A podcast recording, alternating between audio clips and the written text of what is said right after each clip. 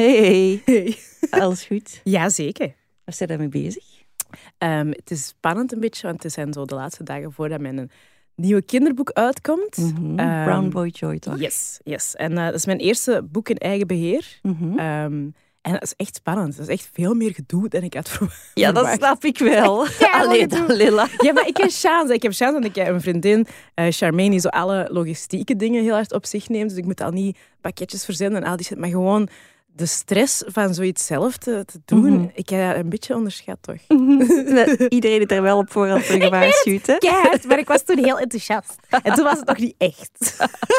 Eh, nee, maar ik ben er ook wel heel blij mee en ook wel heel trots op. Dus ik hoop gewoon, ehm, ja, de, de pre-orders, die bestellingen, dat ging eigenlijk keigoed, Mhm. kei vlot. dus als we een beetje in die lijn kunnen doorgaan, eens dat het er echt fysiek is, dan zou dat echt wel cool zijn. En een, een kleine korte pitch voor de luisteraar die niet weet waar het boek over gaat. Oké, eh, het boek heet Brown Boy Joy. Het is mijn tweede kinderboek. Ehm, een beetje de, de mannelijke tegenhanger van mijn eerste kinderboek. Het eerste kinderboek eh, was Brown Girl Magic en ging echt over ja, waar de, ehm, bruine meisjes mee zitten. eh, kindjes, dat is echt zo voor vanaf vier tot eh, Mhm. eh, iets ouder. Ehm, en dit boek is eigenlijk een beetje hetzelfde. Het is ook een, een heel empowerend boek. Dat gaat over een bruin jongetje. Ja, het is eigenlijk een beetje een handleiding om over racisme te praten met, met kinderen. Of om over gepest worden te praten, over zelfbeeld. Mhm. Ehm, dat zijn de hoofdboodschappen. En de illustraties zijn van Remy en Douw. En dat is echt zo'n eh, getalenteerde gast. Dus is- ik vind dat het er prachtig uitziet. Ehm, dus voilà. Ja, ik zou zeggen, koop het. Hè. Ja, ik ben kei benieuwd. Ik ook. Dit is Keihard. Hey. Een podcast waarin we keihard onszelf zijn. Ik ben Josephine Dalemans. En ik ben Dalila Hermans. En in deze podcast gaan we het hebben over dingen waar wij heel veel van vinden. Keivaag. Soms huge. Echt waar. Soms klein, Allee, zalig. Soms heftig.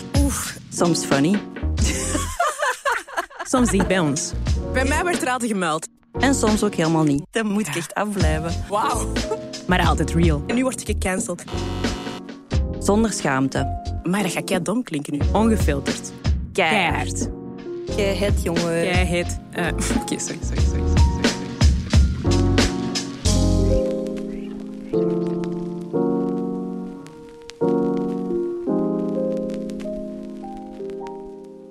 Oké, waar gaan we het vandaag over hebben? Ja, we blijven over een boek Ja, ik eigenlijk. wou zeggen, we blijven een beetje in dezelfde sfeer. We gaan het hebben over het boek De Buitenkant. Dat is een eh, verzameling van essays, samengesteld door eh, Milou van Rossum. En Mhm. Milou van Rossum is een Nederlandse ehm, ja, journalist, redactrice. Die is heel lang, ehm, ik weet niet of ze dat nu nog doet, maar ik denk het wel, ehm, hoofdredactrice mode geweest eh, Mhm. bij NRC Handelsblad. Eh, heeft heel veel gedaan rond mode en, en heeft dus nu een boek samengesteld met allemaal bijdragen van eh, verschillende vrouwen over uiterlijk. Over Ja. zo de relatie tussen vrouwen en een uiterlijk. Ehm, en ik ben ook een van die vrouwen. Dus ik- er staat een essay van mij in dat boek. eh, maar ook echt nog van heel veel eh, super interessante mensen. Anja Meulenbelt, Sarah Sluimer, Anousha Nzume, Brechtje Hofstede en eh, noem maar op. En jij hebt het gelezen, hè? Ja, ik heb het met de post gekregen eh, van de uitgeverij en ik heb het uiteraard gelezen. Ik vond het wel zinnig. Ik heb er natuurlijk zelf ook een soortgelijk boek over geschreven. Ja, dus het ik is- ken het thema wel van binnen en van buiten. Ik wou dus Kijk, zeggen, dat hè? is eh, van binnen en van, En van buiten. buiten, ja. Ehm, ja, sowieso. Ik denk ehm, voor degenen die, die meeluisteren, als je ons een beetje kent, we zijn, ja, we zijn vrouwen, schrijfsters, feministen. We zijn sowieso wel bezig met dat, met dat Mhm. thema, denk ik. Ehm, en inderdaad, je hebt daar een paar jaar geleden al een boek over geschreven, De Naakte Waarheid. Ik vind het trouwens een fantastisch boek. En ik zeg dat niet gewoon omdat jij mijn vriendin bent. ik heb, dat- jij weet dat, ik heb, dat echt, ik heb daar toen veel reclame op gemaakt, maar ik heb ook echt gezien, zo bij de vrouwen rondom mij, Ja. Ehm, ja, dat was zo'n boek dat, waarvan dat wij misschien al dachten, van, dat, is, dat is nu niet meer zo nodig, terwijl het dan bleek, ja, wel eens keihard Dat is nodig. nodig. Ja. ja. Ja, misschien moet je een beetje vertellen. Hè? Vertel een beetje eerst over je eigen boek, over Ah, de ja. naakte waarheid. Oké, ja, dus exact drie jaar geleden heb ik het manuscript ingeleverd voor de naakte waarheid. En dat is uitgekomen in september 2019. En ik beschouwde dat toen een beetje als een beëindiging of zo'n eh, een round-up van al het werk dat ik in de jaren daarvoor had gedaan Ja. over representatie, beeldvorming in de media van vrouwen. Eh, en dat vertrekt eigenlijk van een basisidee dat- waar ik al heel lang mee rondloop. En dat is eh, de beelden die wij elke dag zien, die hebben superveel impact op hoe dat wij naar onszelf kijken, hoe dat wij, wat dat wij denken als wij in de spiegel kijken. Ja. En ook omdat ik heel lang aan die uh, kant heb gezeten van die beelden te maken. Hè. Ik heb heel lang voor vrouwenbladen gewerkt als vormgever, als uh, art director. Dus ik heb die covers gemaakt, ik heb die modeshoots gelayout. Dus ik heb heel lang gezien hoe dat die beelden geconstrueerd worden. Je werd eigenlijk de duif. Ik, ja, ja, ja, misschien. um, ja, maar misschien ook omdat ik dat proces zo... Uh, achter de schermen heb meegemaakt. En ook het effect wat dat heeft bij mensen zoals mij, maar ook bij leeftijdsgenoten, vriendinnen. Uh, begon ik zo puzzelstukjes bij elkaar te leggen. En ja, in mijn boek De Naakte Waarheid bespreek ik eigenlijk uh, de relatie van vrouwen met hun lichaam. Maar in plaats van uh, in gewone hoofdstukken doe ik dat per lichaamsdeel. Dus ik ja. trek bij voeten en ik eindig bij het haar, het hoofd. En ik betrek een beetje de populaire cultuur, maar ook reclame en media, geschiedenis. Ja, ik heb veel grappige historische weetjes. Ja, heel veel Heel leuk om ja. te lezen. Ja, en het is heel toegankelijk geschreven, eigenlijk ook voor een jonge doelgroep. Maar ik merk ook dat mensen van 13 en 14 er ook nog iets aan hebben, blijkbaar. Ja, ja, ja. een vriendin van ons mama, die heeft, dat, die heeft het gelezen en die was er echt zo... Oh. Ja, maar, en die is dan toch al eind de 60 en die had echt zoiets van, nu snap ik het. zo, ja, maar ja. ja, ja. Allee. Ja, ja dus dat was echt... Ik, heb, ik vond dat... Dat is echt zo'n boek dat voor heel veel vrouwen toch nog veel eye-openers. En ook voor mij, ik, herinner me zelfs nog sommige weetjes uit die boek dat ik echt dacht van, oh my god, hier heb ik nog nooit over nagedacht. Hoe kan dat? Zoals, geef eens eentje. Dat van die benen scheren. Ja. Dat, is, dat, dat je zo gewend bent van mm -hmm. haarloze benen ah, ja, ja, ja. te zien, dat zelfs in de reclame voor scheermesjes, dat er dus geen haar op dat been nee, staat. Dat, en daar heb ik nooit over nagedacht. Terwijl nu, elke keer als ik dat zie, dan denk ik, what the hell? Ik zie niet eens het effect van dit scheermesje, want het is een glad been. Ja, dat is maar... precies of dat iedereen flauw gaat vallen als je in een reclame beenhaar zou zien bij een vrouw. Terwijl bij een man in de reclame, als die scheert, zie je uiteraard wanghaar. Ja, dat is ook de bedoeling. Ja. Je wilt ook kopen omdat je haar weg wilt doen. Maar als er geen haar is... Ja, echt heel Ja, dat is echt crazy. Ja. ja. We zijn echt vies gemaakt of vies geworden van ons eigen natuurlijke lichaam. Ja, ja. straf. En hoe was dat voor u om dat boek te schrijven? Um, ja, ik vond dat wel heel, heel fijn. En ook inderdaad, hoe meer onderzoeken dat je daarover doet, hoe meer dat je denkt van, what the fuck, deze kan eigenlijk echt niet. Hè? En bijvoorbeeld... Ja uh, het schoonheidsideaal verandert heel hard van, van cultuur of van tijd of van de plek waar dat je bent. Uh, bijvoorbeeld in de jaren 50 heb ik zo reclames gevonden en dat was uh, maakten ze vrouwen eigenlijk bang als die te dun waren. Dus bijvoorbeeld een advertentie als het mooi weer werd van ja, je wilt toch niet dun zijn als je naar het strand gaat. Hier zijn pillen die je dikker maken. Allee, ja, dat is crazy, hè? want 50 jaar later verkopen ze vrouwen het omgekeerde.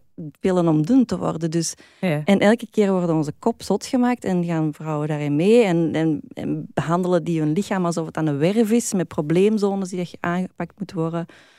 En dat maakt ons zo ongelukkig om, ja. Ja, ja, dat is ook trouwens wel iets dat je heel goed hebt omschreven. Dat boek dat mij nu ook nog altijd bij is gebleven, is dat, dat idee van die werf. Wij praten precies niet over ons lichaam als, als een, een geheel, lichaam, als nee. een geheel, maar zoals je hebt dan je buik is een probleem, zo, ja. en je borsten en je pillen. En, maar dat is allemaal zo apart van elkaar. Ja. Heel raar. Ja, en je moet daaraan werken en je moet die verbeteren, inderdaad. Maar dat wordt ook vaak in magazines of zo gevraagd uh, om punten te geven op je lichaam, maar niet op je lichaam als geheel, maar op je verschillende onderdelen. Waardoor ja. dat je echt een verkapt lichaamsbeeld krijgt. Hè? Waarmee dat je ook uh, al die plastische chirurgie in de hand werkt, want je kunt die aparte lichaamsdelen behandelen en, en, en tussen haakjes beter maken. Eerst doen we de borsten, dan doen we wat vet weg van de billen. Vandaag spuiten we er misschien vet in. in. ik wou eens zeggen, dat exact. is ook Ja. Dus nee, dat is echt niet gezond om zo naar je lichaam te kijken. Nee, lijkt me ook echt niet zo. En heb je het gewoon, oké, het is drie jaar geleden dat je het hebt geschreven. Dat is niet zo lang, maar dat is misschien al wel net lang genoeg om al een beetje te kunnen overschouwen. En heb je het gevoel dat er iets, ja, dat er iets veranderd is sinds dat je je boek hebt geschreven? Of, of hoe kijkt je daar nu naar, naar zo de evolutie van... van... Um, ja, toen ik het boek De Buitenkant las, frappeerde mij het wel dat er zoveel dingen uh, in stonden die ik ook in mijn boek had gezegd. En dat ik dacht van, oh fuck, is dat nu nog altijd niet veranderd? Maar ja, het is nog maar drie jaar natuurlijk. Hè. Ja. Maar ik had eigenlijk wel gehoopt dat die body positivity movement, die toch al meer dan vijf ja, of tien jaar meegaat, dat die toch wel wat in gang had gezet. En grotere dingen had veranderd. Maar ik, ja, zeker in dat boek, al die vrouwen die, dat, die die stukken hebben geschreven, die zijn heel veel energie en aandacht en tijd aan besteden en verliezen aan, aan, aan zich zorgen maken over hoe ze eruit zien en zich lelijk voelen en zich niet goed genoeg voelen. Ja, ja, dat, ja, is... dat is heel kind of depressing. om dat te okay, lezen. Maar terug naar body positivity dan. Uh, nee, maar je hebt nu even die movement aangehaald. Maar kun jij daar misschien um, iets meer over vertellen? Ja, body positivity movement is eigenlijk uh, ontstaan als een reactie um, op dat gegeven dat heel veel vrouwen zich niet mooi vonden of zich Mhm. niet mooi genoeg vonden, om andere uh, soorten lichamen in de schijnwerpers te zetten en te zeggen, dit is ook mooi, dit, dit kan ook en dat schoonheidsideaal dat moet uitgerokken worden. Hè. Dat moet breder gemaakt worden, er moeten meer mensen in kunnen passen. Uh, en de laatste jaren is die body positivity movement geëvolueerd naar bijvoorbeeld body neutrality. Ja. Dus dat je niet meer altijd een positief gevoel moet hebben als je in de spiegel kijkt, maar dat je je lichaam meer als neutraal gaat beschouwen zonder een waardeoordeel daaraan te koppelen. Ja. Uh, en dan hebben we ook nog dingen als body liberation of health at every size. En dat zijn bewegingen die uh, meer gaan focussen op uh, welzijn en op gezondheid in plaats van op uiterlijk en schoonheid. Ja, oké, okay,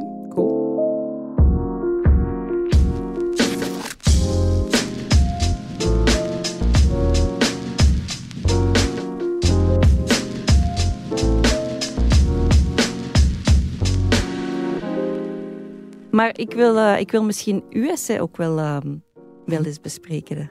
wat dat je hebt geschreven, want ik heb het gelezen. Ja, um, ja ik, vond dat, ik vond dat best een moeilijke uh, opdracht toen ik die opdracht kreeg. Ik heb dat ook, ook wel naar goede gewoonte um, heel lang uitgesteld.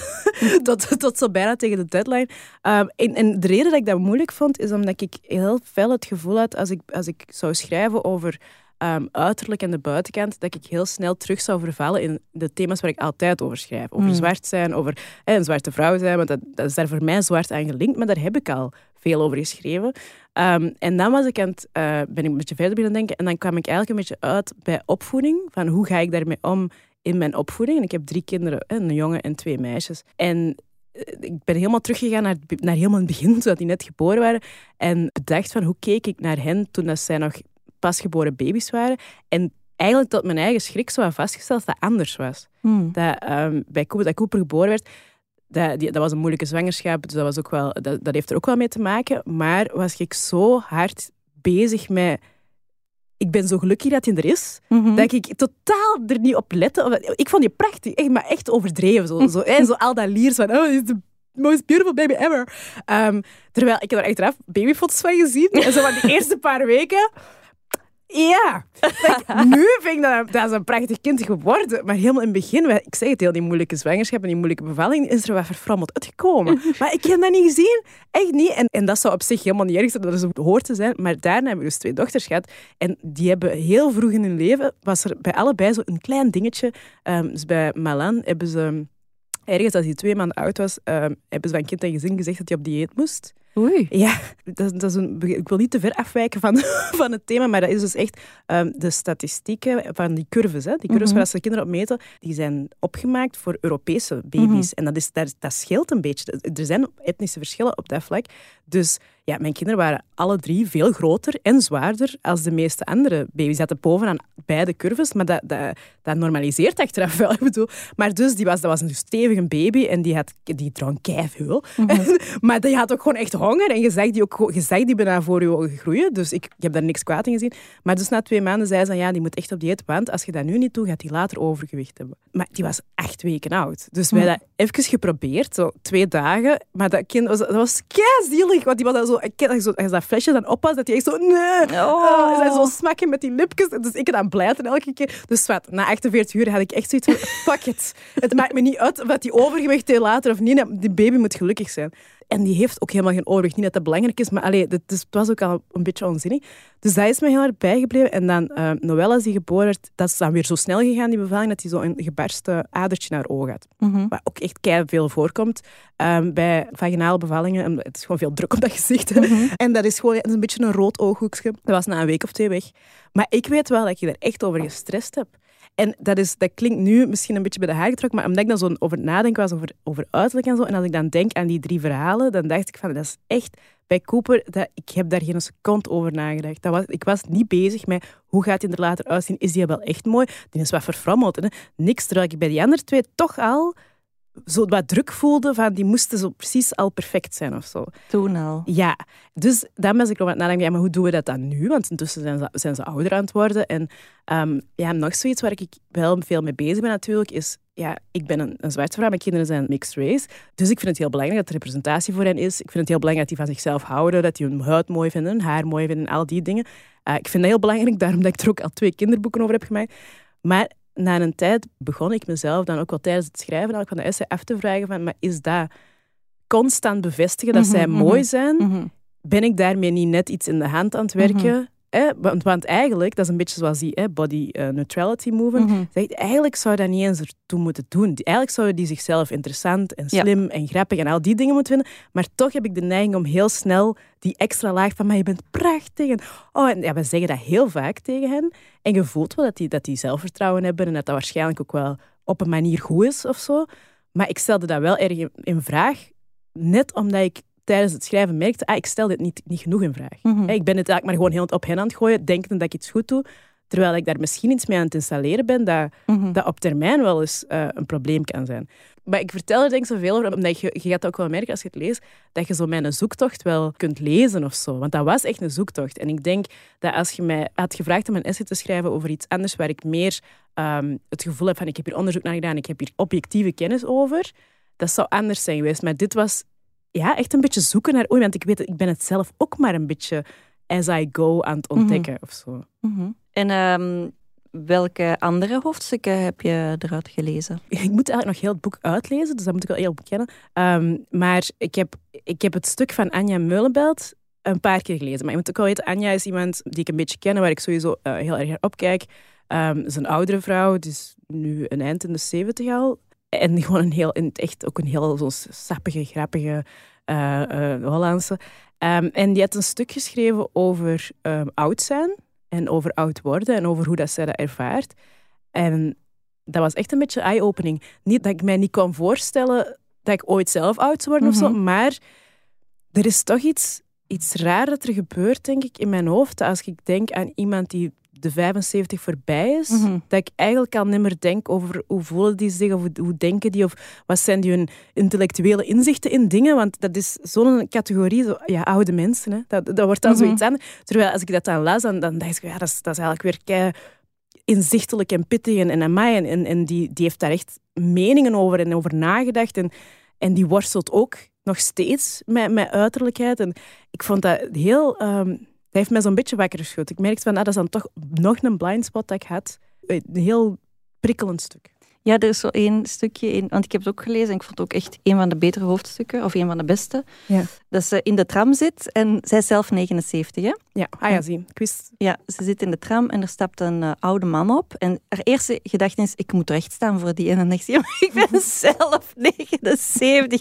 En dat totaal vergeten ook, want niet aan uzelf denken als ik ben, ik ben oud of ik ben, ben gepensioneerd. Zo dat, dat Ja? volgt precies niet. Lichamelijk voelde dat wel, maar geestelijk of mentaal blijft zij gewoon even fris en, eh, en pinter als vroeger. Ja, dat is toch ook, dat is ook maf? Ja, dat is echt maf. Ja, want ook, dat schrijft ze, haar eigen kind is ook Ja, oud. ja. Dat is- dat ja is want zij was heel jong mama. Hè? Ja, Ja. dus dat, dat- die is ook gepensioneerd. Ja. Maar dat is een bizar idee in, in mijn hoofd. Of Ja. zo. En, en ik vond het ook wel toch ehm, mooi, maar ook een beetje pijnlijk tegelijk, om zo te lezen dat iemand van 79 nog steeds Ja. niet op een plek is dat hij compleet vrede Mhm. heeft met, met haar uiterlijk. Mhm. Ik hoop altijd, of ik had altijd zo'n utopisch beeld dat dat ooit wel gewoon helemaal wegging. Ja. Maar dan moeten we dat hoofdstuk van Anousha Nzume lezen. Want zij is in de 50 en ze gaat daar ook over. Ja. Want ja, uiteraard, als je ene keer dat je de 40 bent gepasseerd, ik ben die grens al, al over, dan hoorde ze precies niet meer bij de categorie jonge, jonge vrouw. En dan is dat, ja, dan moet je uw plaats daarin vinden. En ik Ja. vond ook wel, ik, ehm, ik ga het voorlezen, een quote dat zij eh, zegt. Hoe ouder, des te dichter bij de dood het voelt. Dat is een feit, maar dat maakt ook dat elke dag een bonus is en je vanaf je vijftigste minder tijd en energie verspilt aan de rommel van anderen. Heerlijk. Ja, dat wilde toch? Heerlijk. Ja. Dat wilde toch? ja, dat wil ik. Voilà, ja. Dus ja, ik vond, dat, ik vond haar eh, stuk ook echt heel inspirerend. Ja.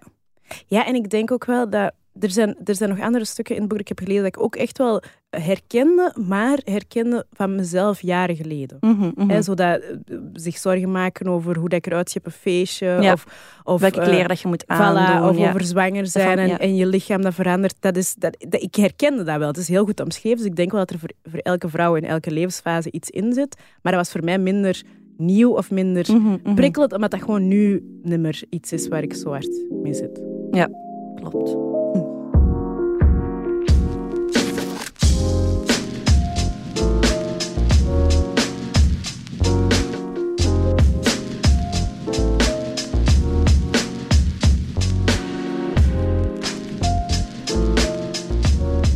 Alright, en uh, de midbreak, waarin we altijd uh, bespreken dat voor ons heel typisch is. En we vragen ons af of dat herkenbaar is ja. voor jullie. Ja, en ik, ik denk dat we deze keer als Ella er terug bij moeten halen. Onze producer Ella, die heeft daar straks, voordat we begonnen opnemen, heeft iets gezegd waarvan dat we allemaal dachten, ja, dat keihard. dus vertel eens, Ella. Ja, ik was deze week aan het wandelen in een park. Uh, en het was warm, de zon scheen. En ik had nog een trui aan. Um, en ik was aan het wandelen met iemand. En ik zeg, oh, ik heb echt veel te warm. Dus ze zegt tegen mij, ja, maar doe je trui dan uit. En ik zeg, ja, nee, dat gaat niet. Want ik heb hieronder alleen maar een topje aan. Dus zo, ja, een onderlijfje of zo. Ja. ja met spaghettibandjes. En ik zeg dat hardop. En ik denk tegelijkertijd, hoezo zou ik niet mogen rondlopen in mijn topje met spaghettibandjes? En dan dus ook direct de gedachte, waarschijnlijk komt dat gewoon uit de middelbare school, waar het verboden was om spaghettibandjes te dragen, um, omdat dat te sexy was of te naakt. En ik besefte dus plots, ik ben 26 en dat idee is volledig geïnternaliseerd, want ik loop dus in een park en ik denk, ik kan toch niet met spaghettibandjes rondlopen, want hier zijn kinderen en mannen en zo, die gaan mij nastaren. Ik ga naakt zijn. Ja, um, dus het hoort bij de buitenkant. Maar ik vroeg mij af, uh, of dat, allee, ik hoop dat andere mensen dat ook hebben. En tegelijkertijd ook niet, want ik wil niet dat wij allemaal dat idee geïnternaliseerd hebben. Maar... Ik moest wel heel hard lachen met het idee dat jij dacht... Oh my god, hier zijn kinderen. En ik ben zo, ja, zo onzedig. de schouders zijn zo obscene. en zo naakt. Perfecte schouders. Ja, ja. ja. Openbare naaktheid, hoe heet dat? maar ik moet wel zeggen, ik draag dat eigenlijk ook niet. Uh, spaghettibandjes, topjes met spaghettibandjes omdat ik, ja, ik heb nogal brede schouders en ik heb ook, misschien daardoor, of misschien ook door andere reden, ik heb ook zo flapjes aan mijn oksel, zo okselvet, zo van die ah, kippenfiletjes. Ja, ja, ja. Ken ik, heb ik ook. En als je dan een spaghettibandje aandoet, dan valt een helft er zo uit. En ja, dat ziet er gewoon echt heel... Dat ziet er echt op zee uit. Dat, dat ziet er echt op zee uit. Ja. Dan heb je een maaltijd. Spaghettibandjes met kippenfilet. Ja, voilà. Ja.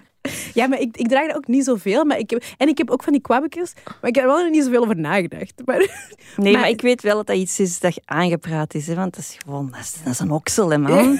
Daar moeten we nu over doen. Hè. Sexy.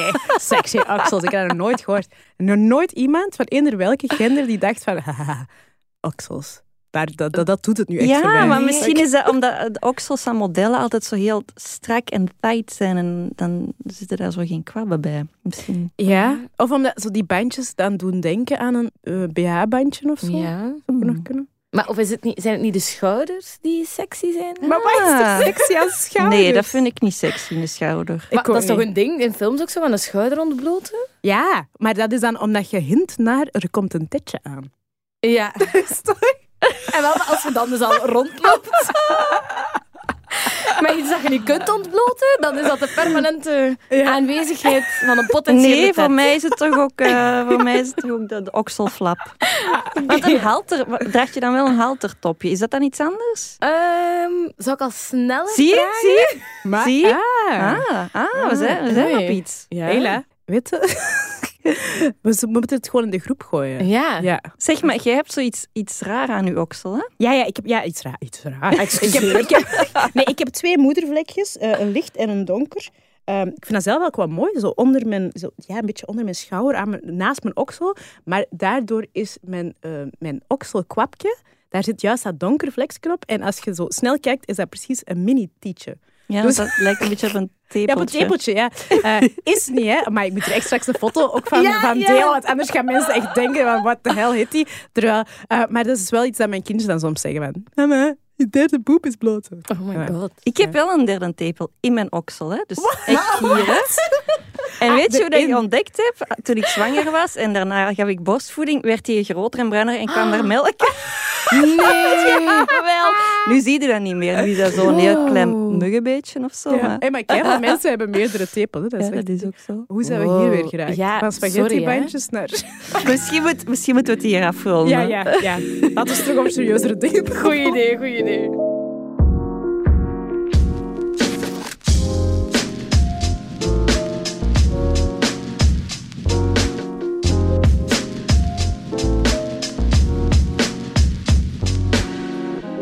Allee, ja, over serieuze dingen praten, eigenlijk, Ja. eigenlijk niet. Hè? Allee, ja, eigenlijk wel, maar nog Ja. een beetje hetzelfde onderwerp. Ja, dat is waar. Dus we blijven in dezelfde lijn. hè, Want we hebben nu net een beetje besproken over hoe dat we daarover schrijven en over dat we, dat we denken over, eh, over de boeken die we net besproken hebben, over de buitenkant en over de naakte waarheid. Ehm, maar ja, wij hebben natuurlijk zelf ook een lijf. Ehm, en ja, hoe zit het met onze eigen relatie met ons lijf? Dat is een goede vraag. Ja. Hoe, zit het, hoe zit het met uw relatie? Ja, ik heb eigenlijk een, pre-motherhood en een post-motherhood relatie met mijn lichaam. En ik denk dat die heel erg verbeterd is. Dus bij veel vrouwen, denk, in mijn omgeving merk ik dat dat niet zo is, dat die na hun zwangerschap, maar ja, je lichaam verandert keihard, zich daar juist slechter over voelt. Terwijl ik daarvoor, ik heb altijd heel streng naar mijn eigen lichaam gekeken. Ik vond mezelf eh, heel rap te dik, terwijl ik, ik ben nooit dik geweest. Dat, dat is echt, nu kan ik dat objectief zeggen, dat is nooit het geval geweest.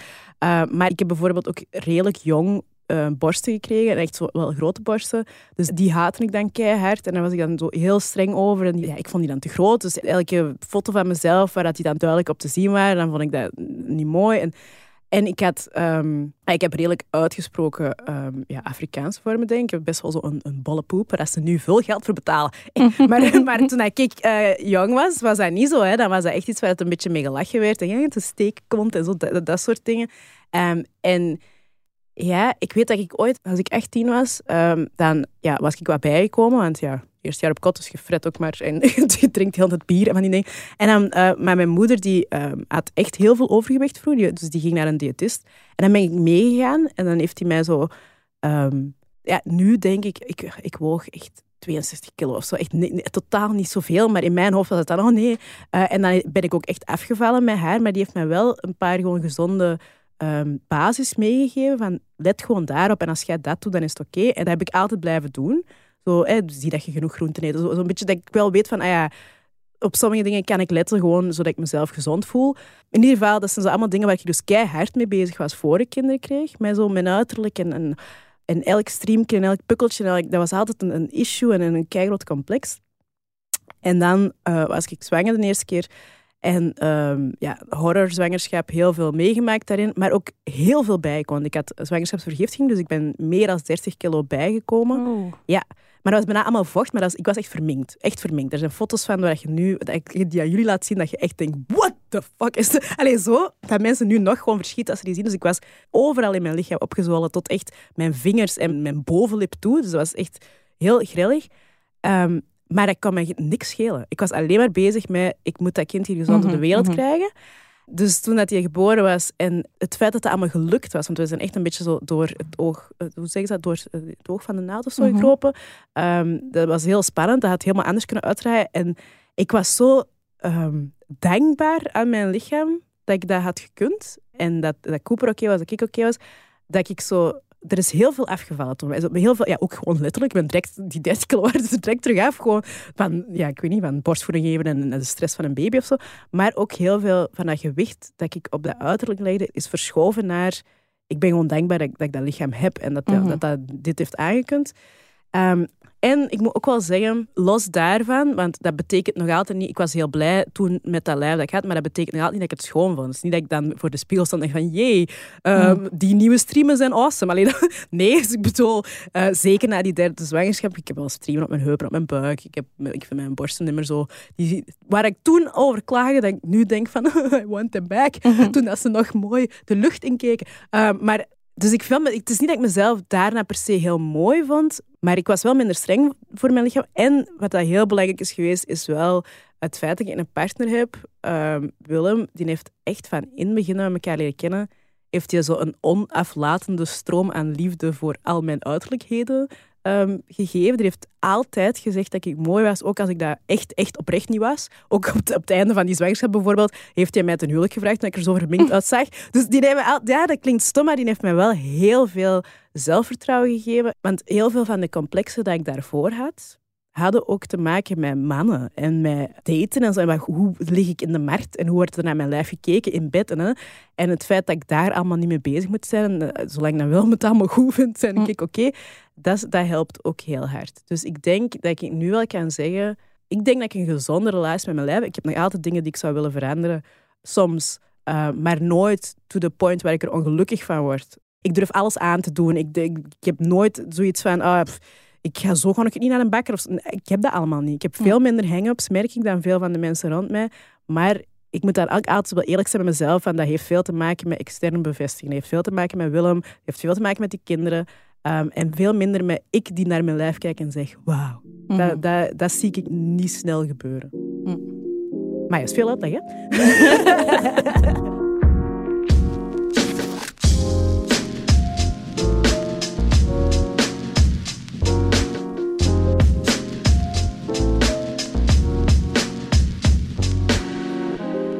En hoe zit dat bij u? Ehm, ja, mensen vragen mij dat soms als ik daar over mijn boek of zo werd geïnterviewd. Van ja, hoe zit dat dan inderdaad met u? Want je hebt daarover gelezen en onderzoek gedaan, dit en dat. Heb je dan automatisch een betere relatie met je lichaam? Maar nee, dat is niet. Hè. Het is niet omdat ik al die dingen weet dat ik niet in deze cultuur of in deze maatschappij eh, verankerd zit. Hè. Dus uiteraard heb ik al die complexen dat vrouwen, eh, de meeste vrouwen hebben, heb ik ook, of heb ik ook gehad. Maar ik denk door die kennis die ik heb, kan ik dat makkelijker rationaliseren. Ja. En dus als ik naar mezelf kijk en ik zie iets dat ik niet leuk vind, dan kan ik wel zeggen, maar van wie komt die stem? Ja. Komt die van, uit, van u, van diep van binnen? Of is dat een tweedehands stem die u is aangepraat van buitenaf en Ja. heb jij die uw eigen gemaakt? En vaak is het tweede, hè? meestal eigenlijk altijd is het tweede. Hè? Ja, Ehm, en dingen, want dat wou ik nog zeggen, die, eh, in het begin is er een hoofdstuk van Helene Montaigne en zij noemt het eigenlijk een meetlat dat je altijd bij u draagt. Ja, in de buitenkant. hè? In, ja. de bui- in dat boek van de, ja, de buitenkant. Dus dat is een blik dat je altijd meeneemt. Hè? En zij vergelijkt dat ook met verinnerlijkte onderdrukking. En dat Hmm. vond ik wel een hele sterke term. Maar dat, Ja, ja. Want dat is eigenlijk, hè, vrouwen doen het hun eigen aan. Je verdrukt eigenlijk jezelf. Ja. Maar die verdrukking komt niet van binnenuit, die komt van buitenaf. En die is je zo lang elke dag opgelegd, Ja. dat je dat op den duur beschouwt als iets van je eigen of iets dat normaal is. Hè. Bijvoorbeeld, zo is het heel normaal dat de meeste vrouwen ongelukkig zijn met hun uiterlijk. En we vinden dat normaal om daarover te bitchen en te zeggen van ja, ik ben zo dik, ik ben zo lelijk. Ja, zelfs... En dat is ja, ziek eigenlijk om ja. dat te beseffen. ja, want zelfs als, als vrouwen dat niet zijn, hè, vrouwen Mhm. die echt van hun lichaam houden, dat wekt bijna iets negatiefs op. Mhm. Dat lijkt al bijna arrogant. Of je hebt al iets van, mij die heeft ook hoog in een bal. Terwijl, ze, dat is raar, hè? Mhm. Dat we daar... Dat dat iets negatiefs zou zijn. Terwijl dat- Ja. ja. Ja, en Anja Meulenbelt eh, zegt in, eh, in het boek De Buitenkant op een gegeven moment ook dat ze nog altijd voelt dat er eh, in haar lichaam een vrouw met maatje 36 zit, dat erop wacht om naar buiten te komen en bevrijd wordt uit dat lichaam met maatje 48. Dat vond ik ook wel inderdaad, zoals jij zegt, jammer dat je daar, hoe ouder dat je wordt, dat je niet overheen geraakt. Maar ik heb toch het gevoel dat hoe ouder ik word, dat mij het inderdaad minder kan schelen dat ik niet zo hard lijk op dat ideale beeld. Want ik ben ooit heel slank geweest. Ik Ja. had maatje 36. Ik heb zelfs op de catwalk in Parijs gelopen als model. Oeh. Maar ik had toen ook complexen en ik vond mezelf toen ook lelijk en ik vond mijn, eh, mijn buik ook dik. En ik was toen ook de, tussen haakjes de dikste van al die modellen op de catwalk. Dus ah ja, dat, is- dat hangt echt niet af van de kilo's op je weegschaal. Dat hangt echt af van wat er in je hoofd gebeurt. Ja, dat is. Ja, dat is. Want ik zeg het elke keer dat ik zo streng was voor mezelf, was ik objectief gezien, was mijn lichaam toen echt al Mhm, dichter bij het schoonheidsideaal als nu of zo. mhm. Maar ja, dat zit echt in je hoofd. En eh, toen ik ehm, eh, kunsten studeerde, zei de lerares model tekenen, want wij tekenen elke week eh, naakte modellen. En dan zie je ook wel heel veel verschillende lichaamstypes voorbij komen, wat dat super gezond is. Ja. En leerde ook hoe die in elkaar zitten en hoe dat die gewrichten werken en zo. Ja. En dan heeft zij mij ooit eens gezegd, eh, en ik begreep dat toen niet, zij zei van de mensen die dichtst aanleunen bij het schoonheidsideaal, het heersende schoonheidsideaal, die gaan daar het meest obsessief mee bezig zijn, omdat dat schoonheidsideaal bereikbaar is. En mensen Ja. die daar verder van afstaan, die gaan daar niet zo obsessief mee bezig zijn. Ik zeg, ja maar nee, dat is toch andersom. Hoe verder dat je daarvan af bent, hoe meer last dat je hebt om Ja. erbij te willen horen en hoe, hoe erg dat je dat vindt. Maar nu besef ik denk ik wat zij bedoelt, want ik vergelijk mijn eigen niet meer met die modellen op de catwalk of die modellen op de Vogue of, of op Instagram. Ik heb echt zoiets that's not me. Ik ga mijn eigen daar echt niet van mee vergelijken. Ik ben een hoge categorie. I'm playing a different game, dus mij boeit dat echt niet dat jij geen poriën hebt, zo gezegd. Of dat jij mini-taille hebt. Eh, Kijk hoe voor u, maar ik ga mijn eigen echt niet meer met u vergelijken. Want ik zit echt inderdaad... Ik ben zo ver weg verwijderd van dat lijf dat ik zelfs niet meer de moeite ga doen. Jij bent een andere soort of zo, Ja, snap ja. je? Ja. En dat is wel... En ja, nu focus ik mij, eh, zoals Anousha zegt, denk ik ook meer op de binnenkant. Op eh, wat kun je met dat lijf? eh, wat weet ik allemaal? Wat, heb ik, wat kan ik allemaal doen? Wat zijn mijn skills? Wat zijn mijn vriendschappen? Wat is de relatie met mijn man en mijn kinderen, met mijn familieleden? Daar steek ik veel meer energie in dan in voor de spiegel staan. Ja. ja, ik heb dat ook zo. Maar ik denk ook wel... ehm, want ik heb daar wel al gesprekken over gehad met vriendinnen van mij die bijvoorbeeld wel eh, het moeilijk hebben met hun eigen gewicht of zo. En die zeiden ook wel van, ja, alles wat je zegt klopt, maar je spreekt ook wel vanuit een privilege. Ja. Want, en dat is zo. Ik weet dat van mijn eigen. Hè. Ik heb nu een maat 36, 38. Ik moet daar niks voor doen. Dat is gewoon, ja, mijn lijf is zo. Ehm, en dat maakt ook dat ik heel weinig geconfronteerd word met bepaalde dingen. Mhm. Ehm, dus voor mij, daarmee dat als er mij gevraagd wordt om over mijn buitenkant te gaan, dat ik heel snel naar mijn etniciteit ga, omdat dat het uiterlijk ding is waar mensen op Ah, ja, reageren. ja. Maar voor de rest, ik heb een symmetrisch gezicht. Eh, een hele kle- mooie huid. met, ja, met kleren aan ben ik gewoon, eh, zit ik heel dicht bij dat schoonheidsideaal. maar, ehm, maar ik wil maar zeggen, ik word daar ook veel minder mee Mhm. geconfronteerd dan iemand die heel zwaar is of juist heel erg mager. Of, dus in dat opzicht be- erken ik ook wel mijn eigen eh, privileges daarin. Maar zelfs dan nog, het is zoals gezegd, ik ken genoeg mensen die in mijn ogen nog dichter bij het schoonheidsideaal eh, zitten, die, echt, eh, ja, die daar ook hun geld mee verdienen en zo. Ik ken echt bekende, mooie mensen waarvan dat iedereen zou zeggen, bom, maar die daar ook keihard mee worstelen. En, en inderdaad, zoals gezegd, vaak nog meer. Mhm. Omdat die ook heel de tijd zichzelf aan die standaard moeten houden. Hè. Die mogen ook niet slekken. Of als die eens een keer er slecht uitzien, dan heeft iedereen dat door. En Ja. zo van die dingen. ja, Dus- dat is zoals met make-up. Als- Ja. Zodra dat je elke dag make-up draagt Ja. en je draagt dus één dag geen make-up, dan zegt iedereen, amai. Serieus ziek? Ja, Ga ik het niet merken? Ja, vandaar dat ik geen make-up draag. slim.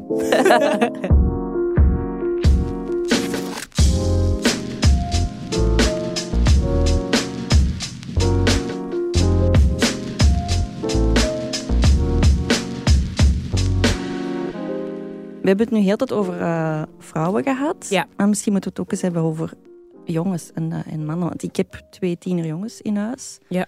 En ik heb wel gezien hoe dat, dat onder invloed van Instagram en YouTube, hoe ook aan hen van die ehm, onhaalbare schoonheidsidealen worden opgelegd. Maar dan niet om slank te zijn en maak te zijn, maar om gespierd te zijn. Hè? Ja.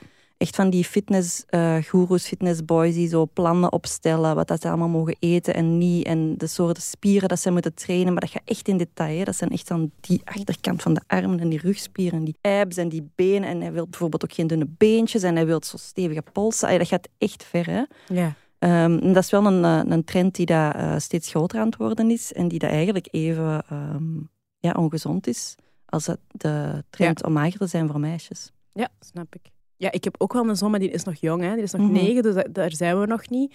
Ehm, maar ik heb, wel, ik heb wel een man dat drie keer in de week naar de fitness gaat. En die eigenlijk al, zolang ik hem ken, die is heel erg bezig met, eh, met zijn lichaam. Niet met zijn uiterlijk, maar met zijn lichaam. Zo. Die, die denkt heel hard na over wat hem eet en drinkt. En hè, die doet van die juice dingen. En, ik sta erbij en ik lach. maar, maar terwijl hij heel vaak gelijk heeft, dan zegt hij zoiets van... Ja, maar schatje, je dat probeert. En dan ziet er maar en zegt van... Oké, laat maar. Maar die is wel zelf echt bezig met, met zo'n gezond lichaam hebben. Ehm, en heeft ook echt spieren en zo. Maar ehm, die heeft dan weer bijvoorbeeld... Ik zeg niet dat dat een complex is, maar die, toen dat hij zijn haar begon uit te die heeft al heel zijn leven een brosken. Hè. De mens heeft eigenlijk nog geen halve millimeter haar. Maar toen dat er een kale plek begon te zijn, dat vond hij wel echt erg. En dan dacht ik, en, ah ja, zie, nooit over nadenken. Maar natuurlijk zijn er ook voor mannen en steeds meer. Mhm. Want ik denk, hè, het is daarmee dat je ook zegt van je zoon, ik denk steeds meer ehm, nu met al die social media en die valse beelden van hoe dat een man er perfect moet uitzien, ik denk dat dat veel meer begint op te komen Mhm. ook. En dat die druk ook steeds hoger wordt. Mhm. Dat is eigenlijk wel jammer. Ja, ik zag eh, vorige week toevallig een filmpje dat inpikte op zo een van die fitnessgoeroes, want dat is ook een winstmodel uiteraard. Hè, zoals dat Ja. bij vrouwen ook een winstmodel is. Hè. Je maakt een doelgroep onzeker Zeker, en ja. dan verkoopt hen de oplossing. Zijn Ja. de pillen, crèmekes of uw video's, abonneren op uw video's of shit of merchandise kopen. Ja. Dus dat is nu een hele industrie aan het worden, of dat is al een hele industrie. En dat was een jonge gast en die had zo'n heel, eh, helemaal naakt geschoren, kaal geschoren lichaam met zijn eigen ingeolied. En die was dan zo sit-ups aan het doen en zo kei motivational aan het spreken tegen zijn kijkers. Kom aan, je kunt het en je moet niet opgeven en, en, is geen optie en dit en dat. En dat kutte dan, en dat was eh, een bredere gast, denk ik een Britse eh, gast, of een Ierse, ik weet het dan niet meer. En die zei eigenlijk van, ja, maar je, je hebt één ding verkeerd. Ik ben een rugbyspeler, ik ben heel breed. Maar ik ben niet breed geworden omdat ik rugby ging spelen. Ik was al breed. En omdat ik qua geen en fysiek breed was, ben ik rugby gaan spelen.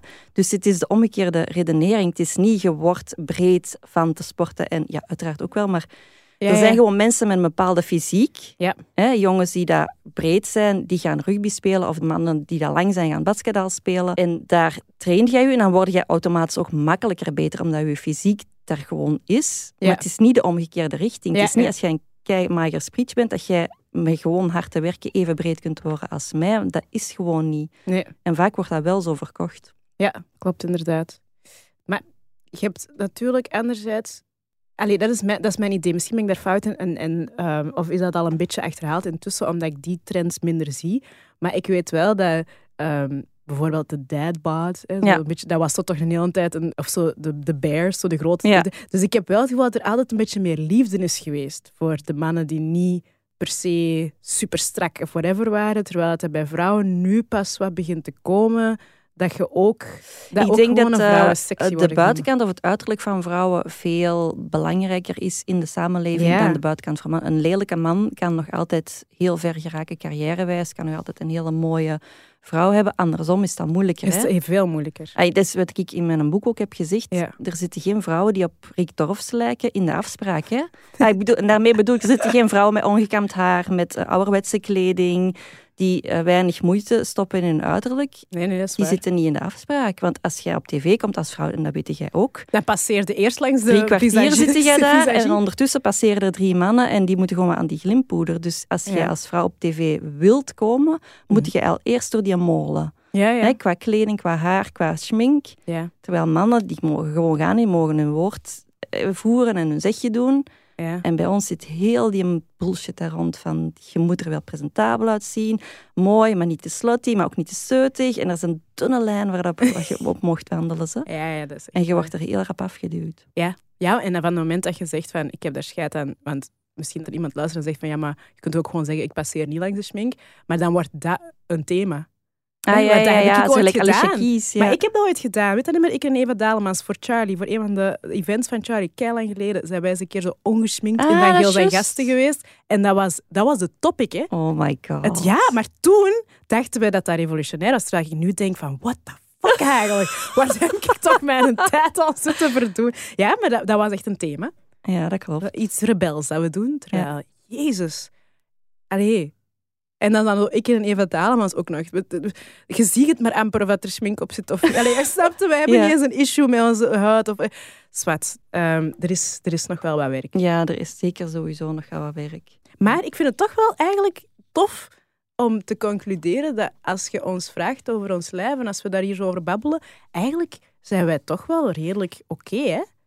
Ik heb nu niet het gevoel dat we hier allebei hebben gepraat Nee, maar het zou maar erg zijn. Hè? Ik bedoel, Het is waar. Maar jij past iets meer in het schoonheidsideaal qua, qua lichaam dan mij of qua leeftijd. Maar nog altijd passen we er wel. Ik vind in de gewone winkels vind ik kleren, jij ook. ja. Dus ja, het zou maar triestig zijn. Ja, als... ja, maar dat zeggen we nu, terwijl dat ik goed weet, zet hier twee random andere vrouwen met onze, ons lichaam misschien, misschien. En je kunt een heel ander verhaal hebben. Ik ken echt heel veel vrouwen die heel diep ongelukkig zijn Ja? bij zichzelf, terwijl ik denk, maar menneke toch, je bent prachtig. Ja. Hm. Dus ik vind toch dat we dat, op dat vlak dat we wel een gezonde... ik zie ons Ella knikken. Zegt ze aan het knikken, ja. Ja, want ik was aan het denken, ik wil ook op dat punt geraken. Jullie zijn al ergens waar ik wil geraken, dus dat is al... Allee, zie, en jij bent ook iemand die heel dicht bij dat eh schoonheidsideaal zit. hè? En zeker ook het eh, privilege waar je het net over had. Maar ehm, ik zit nog veel meer wat jij net omschreef eh, voor je zwangerschap. Dus misschien moet ik gewoon zwanger worden. Eh, nee, nee, maar... nee, je moet gewoon oud worden. Ah, oud worden, dat is de truc. Maar dat is echt een truc. En dat is het rare, Het want helpt. Oké. eh, je wordt altijd hè, als vrouw, je moet jong blijven en hè, je moet rimpelloos zijn. En jong ben het mooiste, maar oud worden is zo chill. Ik kan het echt aanraden. Hè? Ja. Ik kan het echt aanraden. ja, maar ik heb dat ook wel. Ik word echt graag ouder. Ja, ik snap echt niet waarom het er zo'n Nee. fuss over gemaakt wordt dat dat iets slechts zou zijn. Want Nee, jong. Dus elk jaar is iets rustiger. Ja, dat in vind het ik kopje. leuk. ja, Ja. sowieso. Oké, dan dat helpt. Bedankt voor de gemoedsrust. Alright. Het is een mooie om mee af te sluiten. Denk het wel.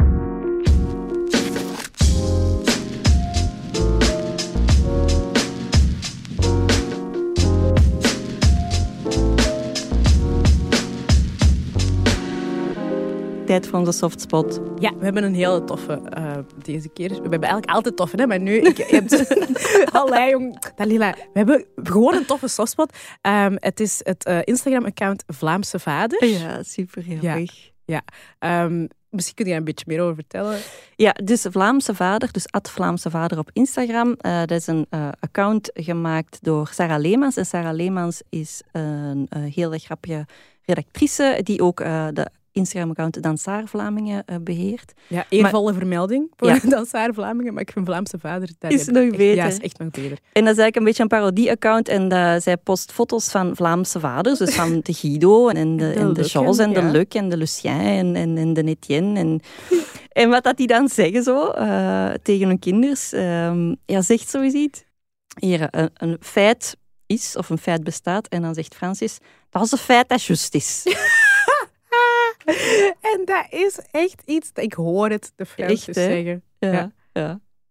Of uh, mensen vragen, is dat oké? Okay? En dan zegt de Francis, is het gepermitteerd?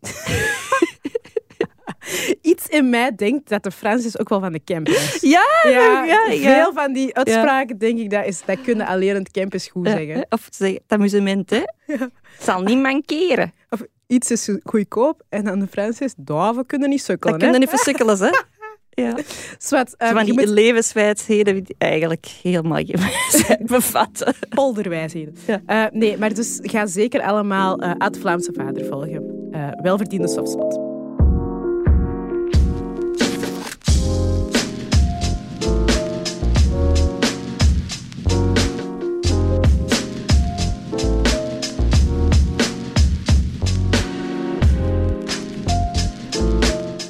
Dus zijn we klaar. Gaan we ze in onze spaghettibandjes naar buiten, hè? Spaghettibandjes en kipvleekjes. Ja, lekker. Goesting in op een ja. barbecue. um, merci om te luisteren en tot de volgende keihard. Ja, keihard tot de volgende. Joe.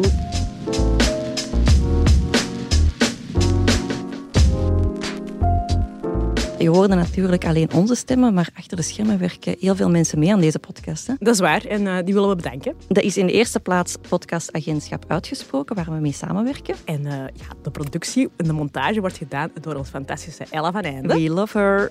de muziek en sounddesign is uh, van Pieter Santos. Willem Blondrok maakte de beats eronder. Dat is mijn man, man. Ja. en het logo werd gemaakt door mijn man, Mark Nuiten van Birdside Design. Ja, en zit jij nu te luisteren en vond jij onze podcast leuk? Dan moet je dat vooral laten weten aan ons en het doorvertellen aan uw vrienden. Ja, bedankt al, hè.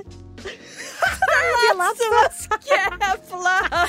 Keihard bedankt al, hè. Keihard bedankt, jong. Ik dacht echt, dat komt nu nog een...